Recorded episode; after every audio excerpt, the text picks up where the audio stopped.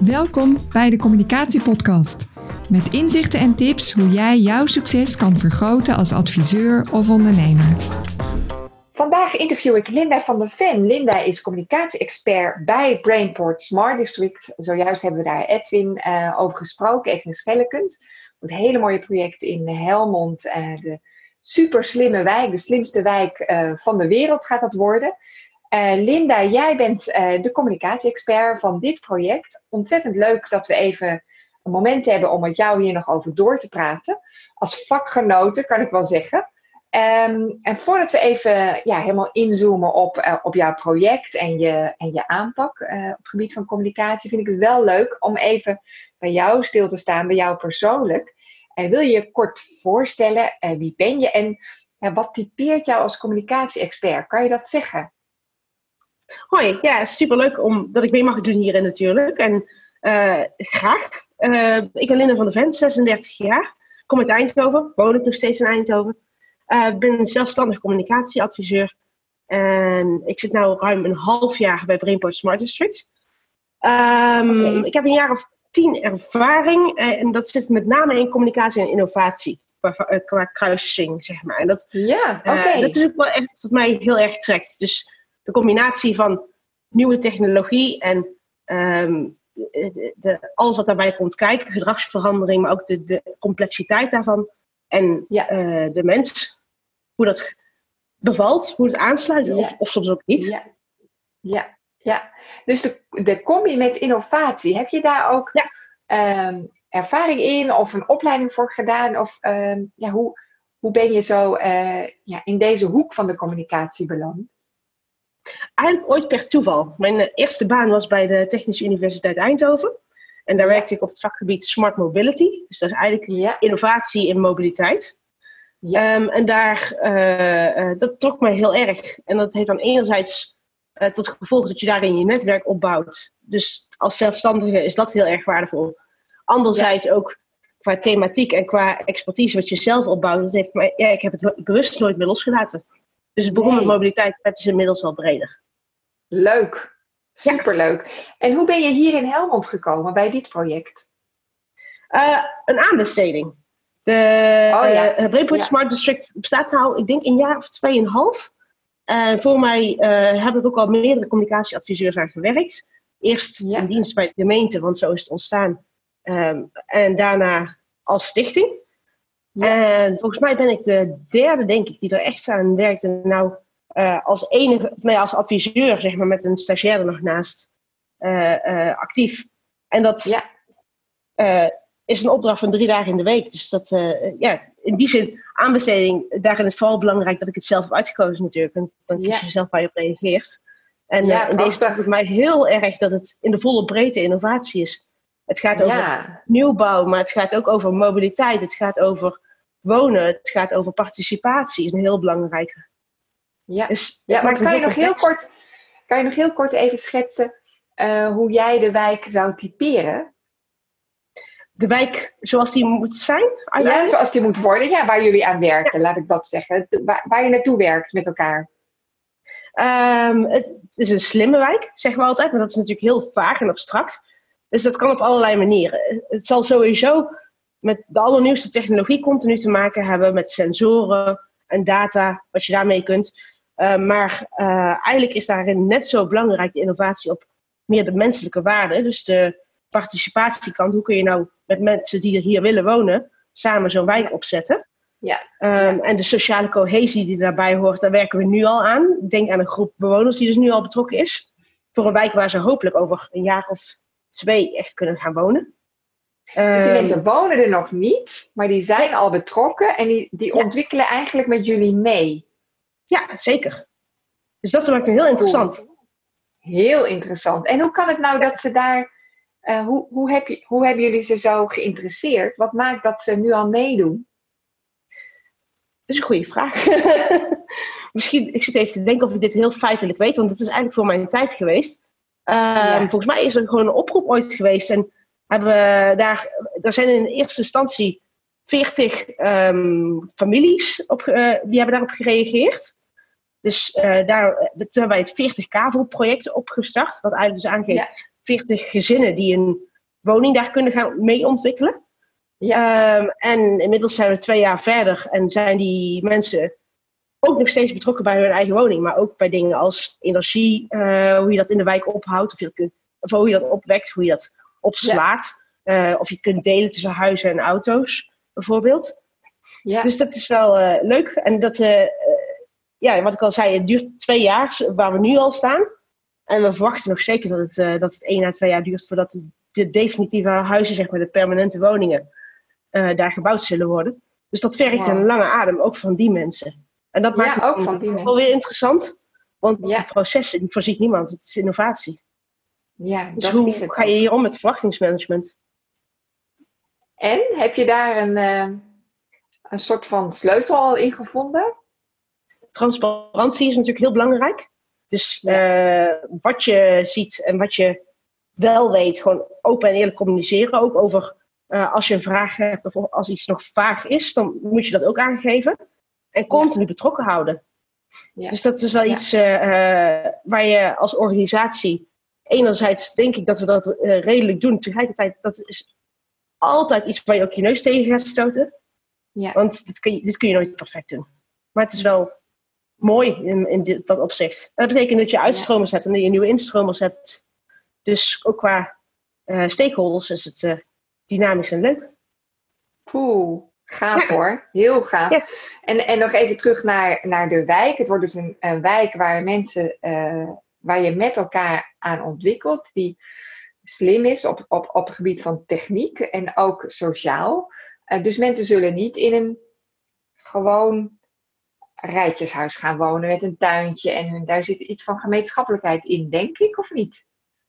Ik denk het wel, um, maar ik zie dat nog steeds ook wel als nieuwe techniek, maar die zal niet zichtbaar zijn. Dus ik zie het dan meer voor me als dingen die op de achtergrond gebeuren. Um, je hebt nou Internet of Things, dus misschien een term die je wel eens gehoord hebt.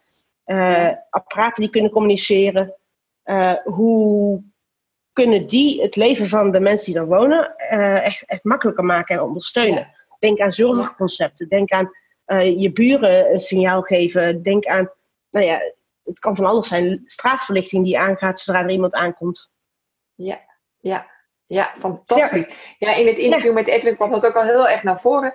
En, en ook dat idee van een, een huis is geen doel, maar een middel om te wonen. En een wijk is een, eigenlijk een soort van doel of middel om met elkaar te wonen en het goed te hebben. En het moet dus bij je passen en bij je levensstijl passen. Zeker. Ja, ja, en dat is wel een belangrijke. Dat zie je dus ook in die, uh, uh, wij noemen ze de pioniers die vanaf het begin af aan betrokken zijn geweest. Daar zie je het wel in terug. Dat uh, vergt een bepaald karakter ook een interesse in innovatie überhaupt. Ja, ja, dus ja. ja. En ook de partners hè, die hier aan meewerken, de, de bedrijven die ontwikkelen. Je ziet dat het, het bepaalde ehm, bedrijven trekt die een idee hebben bij innovatief wonen of wat ik al zei, een zorgconcept het, het zijn niet zomaar de, de gebruikelijke nieuwbouwbedrijven. Nee, nee het is inderdaad de vernieuwende partners en de mensen die, ja, die toch wel meer de pioniers zijn, denk ik, die hier, eh, die hier aan meedoen. Hè? Maar dan nog, zul je, uh, zul je een bepaalde methodiek of uh, plan moeten volgen, lijkt me, om ze erbij te houden. En zeker om, om mensen ook nog over twee jaar er nog steeds bij te houden. Want ik kan me voorstellen, hè, dan heb je dus twee jaar geleden begonnen. Oké, nou dan ben je nu in een fase misschien dat het wat meer zichtbaar wordt, maar dan moet je nog twee jaar voordat je er echt kan wonen. Um, welke aanpak volgen jullie daarbij? En dan heb ik het even over de communicatie. Hoe, hoe doen jullie dat?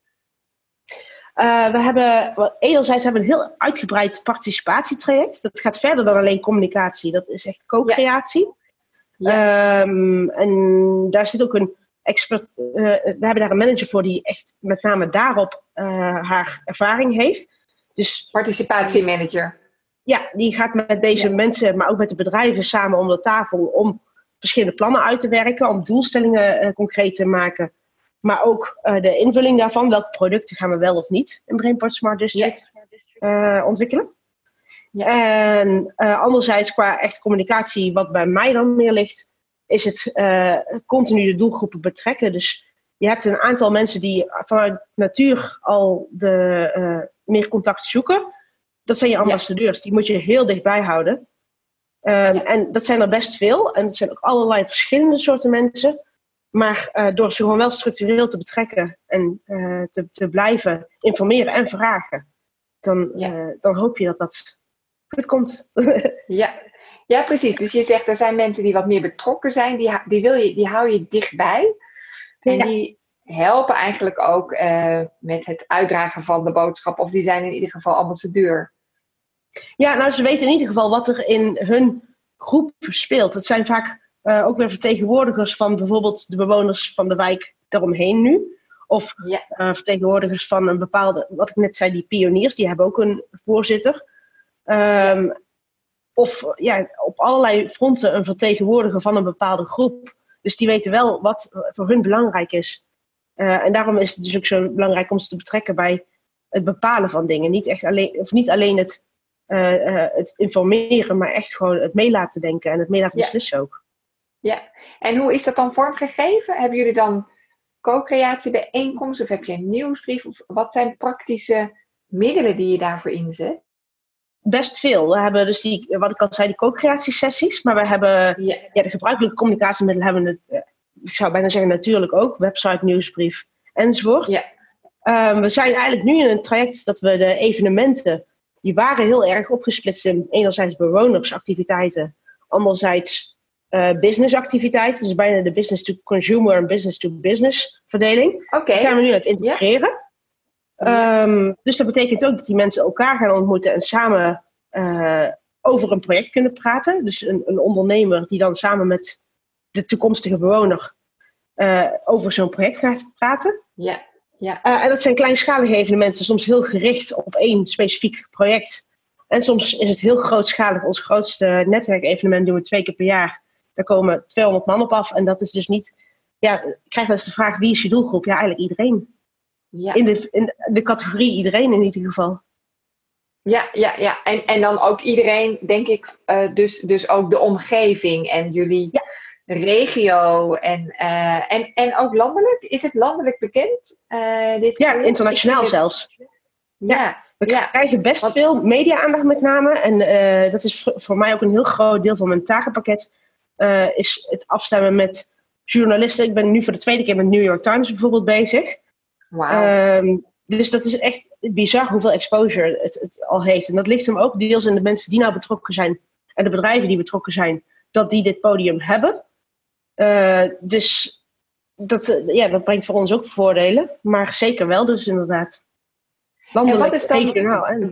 Ja, en internationaal. Dus het is voortdurend ja. schakelen. En, en, ja. en wat maakt dat bijvoorbeeld een New York Times uh, hierover contact opneemt?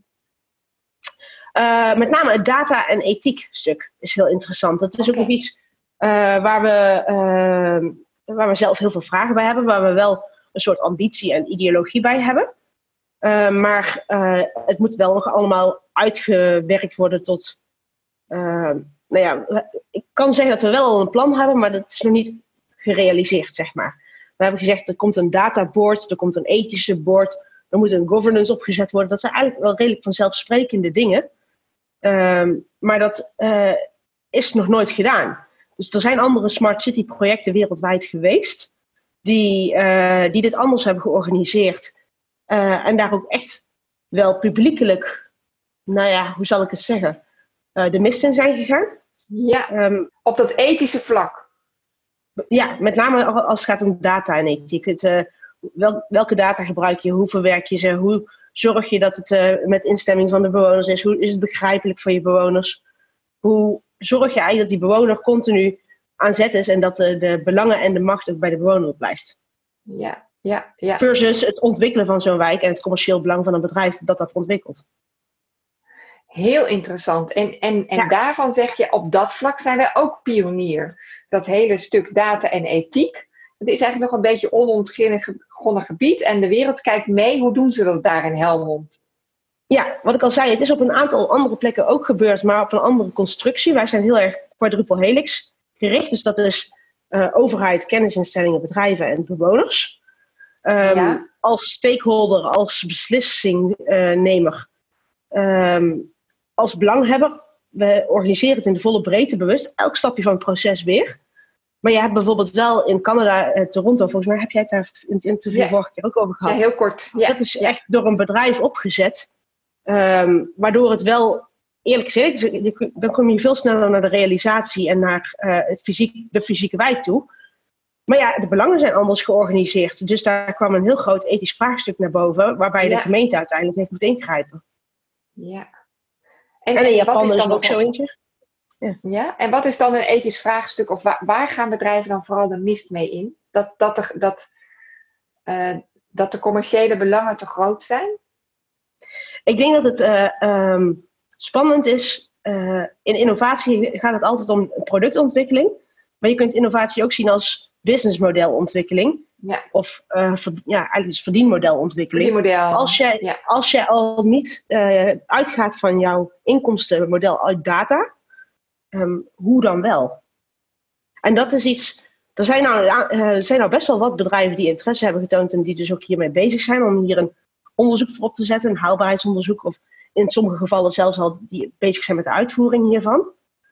Dus, maar het vergt een bepaalde mentaliteit en bedrijf uh, om dit te realiseren. Ja. Ja. Want het is ja. niet zomaar een copy-paste van een product wat ze ergens hebben en dat gaan we hier ook uitrollen. Dit bestaat nog niet. Nee, je moet dus heel dicht blijven bij de vraag en wat er leeft bij inwoners, bij particulieren, bij je afnemers ja. eigenlijk.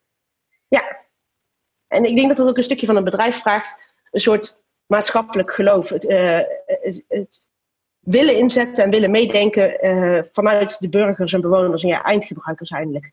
Ik las laatst ja. op Twitter uh, iemand die vroeg, een heel terechte vraag denk ik, waarom noemen we het eigenlijk eindgebruikers en geen begingebruikers?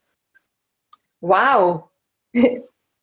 dus die vond ik leuk. En dat is eigenlijk een ja. soort mindshift volgens mij, die hier ja. heel van... Heel de gebruiker vanaf het begin. Ja, precies. Fantastisch. Heel erg leuk. Ik ben benieuwd, um, we hebben het nu even gehad over dat het dus echt een, pionieren is, samen met co-creatie, uh, nou ja, uh, participatie ten top, zou je bijna kunnen zeggen. Um, en dan de tools die je daarvoor inzet, events, netwerken, bijeenkomsten en de gewone communicatiemiddelen mix. Heb je ook een bepaald verhaal? Doen jullie aan storytelling? Of is dat hier helemaal niet aan de orde? Want nou ja, omdat je het verhaal samen schrijft? Of, of, of heb je toch een bepaald, nou misschien wel dat maatschappelijk geloof in een soort van verhaal gegoten om mensen mee te krijgen? Hoe, uh, hoe pak je dat uh, aan? Storytelling vind ik vanuit communicatieperspectief wat groot hiervoor voort. Maar we hebben wel een uh, stedelijke visie die hier heel dichtbij komt. Uh, die ja. is, ook, is door een bedrijf geschreven als een losstaand project. Maar dat is wel heel erg omschrijvend in hoe gaat die wijk eruit zien. En dat gaat verder dan alleen communicatie. Daarom zou ik het zelf ja. geen storytelling noemen. Het gaat echt om een soort nee. ambitie en plan. Ja, ja. Dus dat, ja, okay. uh, ze noemen het ook wel eens de onderlegger. Ja, dus dat, maar meer... dat hebben we wel. Zeker. En we hebben zeker wel gewoon communicatieve middelen om het verhaal over te kunnen dragen. Maar storytelling, voor mij persoonlijk gaat dat dan nog iets veel, gaat dat nog veel verder. Ja, en die zet je niet in, maar heb je misschien ook niet nodig dan. Mensen kunnen met die visie al helemaal visualiseren? Dat is een goede vraag. Ik denk dat het uh, heel waardevol zou zijn. Maar je gaat ook kijken.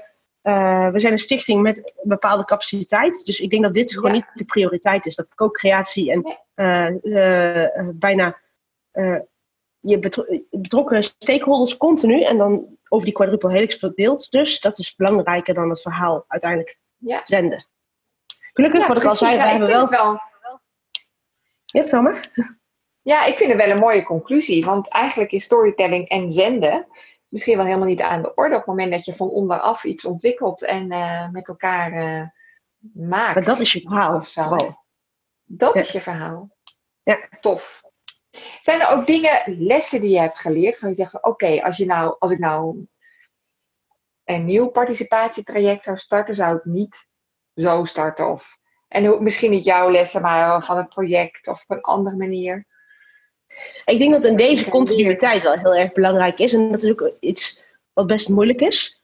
Uh, Brainport Smart District heeft er, uh, is een stichting waarbij eigenlijk iedereen, op twee na wordt iedereen ingehuurd. En zijn allemaal ondernemers.